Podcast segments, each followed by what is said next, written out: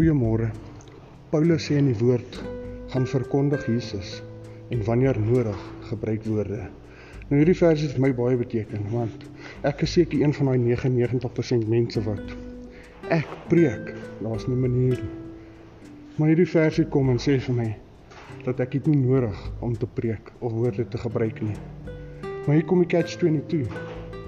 Dit beteken ek moet Jesus verkondig in alles wat ek doen. My optrede, my aksies en my dade. En ek dink dis hoekom dit vir my so belangrik was om 'n verhouding te begin met Jesus en die Heilige Gees. Sodat ek hulle kon leer ken en kan leer ken. Sodat dit vir my makliker is om te weet wat ek moet uitbeeld sodat mense Jesus in my sien. Want ja, woorde is misleidend en 'n mens vertrou nie altyd woorde nie. Maar 'n ou se dade en aksies, dit vertrou 'n mens. So my gebed vanoggend vir elke liewe persoon is dat die verhoudings wat ons begin bou het, laat ons sal aangaan daarmee. Laat dit kan sterker word, laat dit kan groter word. Sodat wanneer ons daar buite is, ons kan wandel in die Gees en ons Jesus kan verkondig in alles wat ons doen.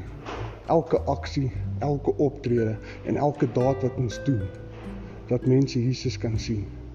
Amen. Goeiedag.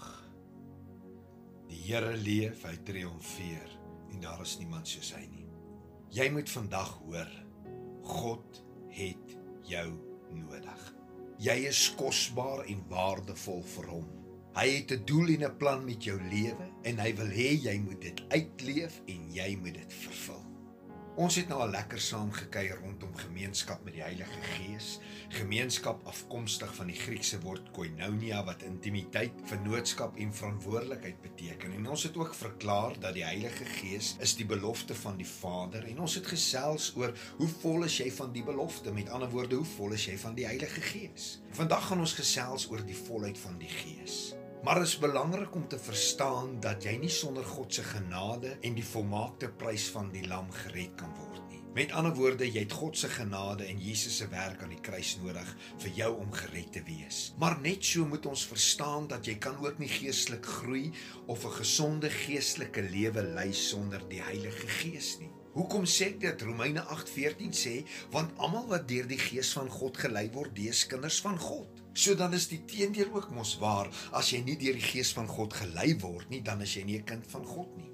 Nou wat beteken hierdie volheid van die Gees vir jou en vir my? Volheid beteken om vol te wees, 'n toestand van gevul te wees. En vol spreek op sy beurt van heeltemal gevul. Plain Afrikaans, daar is ruimte vir niks anders nie. Tweedens spreek vol van oordek met. Met ander woorde, jy sien niks anders nie. En derdens spreek vol van volledig, dit waaraan niks ontbreek nie. So die volheid van die Gees spreek van die feit dat daar ruimte vir niks anders is nie.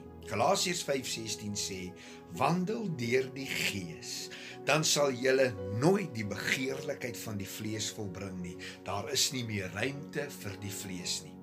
Jy sien niks anders in die Galasiërs 5:22. Die vrug van die Gees is liefde, blydskap, vrede, lankmoedigheid, vriendelikheid, goedheid, getrouheid, sagmoedigheid en selfbeheersing. Volheid spreek van die feit dat jy niks anders te sien as die vrug van die Gees nie en jy ontbreek aan niks nie. Jy sien die volheid van die gees het tot gevolg dat jy soos 'n boom word wat geplant is by waterstrome wat sy vrugte gee op sy tyd waarvan die blare nie verwelk nie en alles wat jy doen voer jy voorspoedig uit. Jy's 'n persoon wat in elke omstandigheid, in elke situasie die regte vrug openbaar, 'n persoon wat in die gawes van die Heilige Gees funksioneer soos wat hy dit uitdeel, 'n persoon wat die regte keuses en besluite neem as gevolg van sy vennootskap met die een wat die toekomstige dinge aan hom of haar wil openbaar, aan hom of haar bekend wil maak. Is dit dalk die tipe persoon wat jy wil wees? Kosbaar om te weet Jy hoef nie die Here jare lank te dien om dit te ontvang nie. Daar is ook nie 'n ouderdomsbeperking daaraan verbonde nie. Volheid van die Gees vra net dat hy jou hele lewe wil vul en beheer. dat hy volkome in jou wil kom woon. Jy moet net bereid wees om hom die geleentheid te gee. Jy moet oorgee sodat hy kan oorneem. En net soos die disippels Jesus ervaar en beleef het, net so kan ons die Heilige Gees ervaar en beleef, want hy's tog immers die trooster wat vir ons in Jesus se plek gestuur is. Gaan kyk Johannes 14 tot 16. En volheid beteken dat ons 'n trooster het dat ons 'n raadsman het, 'n helper, 'n intercessor, 'n advokaat, 'n versterker, 'n ondersteuner, 'n leermeester, 'n leidsman en 'n vernoot. Maar wat vra hierdie volheid van die Gees van jou en van my? Johannes 7:37 tot 39 sê die volgende: En op die laaste dag, die groot dag van die fees, het Jesus gestaan en uitgeroep en gesê: As iemand dors het, laat hom na my toe kom en drink. Hy wat in my glo, soos die skrif sê, strome van lewende water sal uit sy binneste vloei. En dit het hy gesê van die Heilige Gees wat die sou ontvang wat in hom glo, want die Heilige Gees was daar nog nie omdat hy nog nie verheerlik was nie. So wat vra volheid van jou en van my? As ons na hierdie gedeelte kyk, vra dit dat jy dors genoeg sal wees, dat jy na Jesus toe moet kom, dat jy moet drink en dat jy moet glo. Dors genoeg na Jesus moet kom, jy moet drink en jy moet glo. Kom ons kyk vinnig na hierdie vier punte. Dors spreek van die sterk begeerte, die sterk verlange, die sterk behoefte. Met ander woorde wat nodig is, dit spreek van die innerlike drang tot iets. Die Engelse woord is vir my so mooi. Dit praat van craving. So jy moet 'n craving hê vir die volheid van die Gees. En al hoe jy die krywing in jou lewe stil is, is as jy die krywing vervul, satisfy. Belangrik om te verstaan.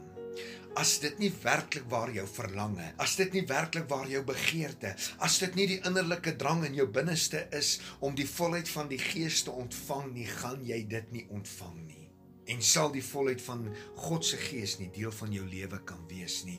En net so terloops, tot watter ekstreems gaan jy om jou vleeslike krywings te satisfy? Wat van jou geestelike krywings? Tweedens, jy moet na Jesus toe kom. Jy sien dit is belangrik om te verstaan dat alles begin by hom, by hierdie lam van God, Jesus. Eerstens moet jy in 'n persoonlike verhouding met hom wees. Met ander woorde, hy moet jou persoonlike saligmaker wees. Tweedens moet jy verstaan dat hy die een is wat doop met die Heilige Gees. Johannes 1:33 en hy het aan my gesê, op wie jy die Gees sien neerdal en op hom bly, dit is hy wat met die Heilige Gees doop. Derdens, jy moet drink. Drink spreek van met die sintuie inneem, eerstens, en tweedens spreek drink van geniet. Met ander woorde, jy moet jou verlustig in die Heilige Gees. Jy moet jou behaag skep in die Heilige Gees. Jy moet deel in die Heilige Gees se vrug en se gawes en jy moet die Heilige Gees ontvang. Jy moet hom tot jou eie maak. Jy moet jouself oopstel. Jy moet volkome oorgee. Ja, jy moet dit doen. 'n Ander een kan nie namens jou drink nie. Jy moet self drink. Laastens, jy moet glo. Jy moet glo met ander woorde die oortuiging hê van dit wat Jesus gesê het toe hy verklaar het ek stuur 'n ander trooster. So jy moet die oortuiging hê dat die Heilige Gees is die trooster wat gestuur is in Jesus se plek. Jy moet as waarheid aanvaar dat jou liggaam 'n tempel is van die Heilige Gees. 1 Korintiërs 3:16 sê, weet jy dan nie dat jou liggaam 'n tempel is van die Heilige Gees nie? Jy moet die vaste vertroue hê dat hy, die Heilige Gees, die een is wat jou gaan leer en wat jou gaan lei in die volle waarheid en dat hy die een is wat jou gaan herinner aan alles wat Jesus geleer en gesê het. Jy moet oortuig wees van die bestaan van die Heilige Gees, naamlik dat hy 'n werklikheid en 'n realiteit is en dat jy in 'n verhouding met hom moet staan en in 'n verhouding met hom moet leef. Voldoen jy aan die vereistes? Soek jy die volheid. Wees dors genoeg, kom na hom toe, begin drink en glo. Lukas 11:13 sê as julle dan wat sleg is, weet om goeie gawes aan julle kinders te gee, hoeveel te meer sal die hemelse Vader die Heilige Gees gee aan die wat hom bid. Bid en vra, maar jy moet dors, jy moet na hom toe kom, jy moet drink en jy moet glo sodat jy kan opreik in die volheid van die Heilige Gees. Amen.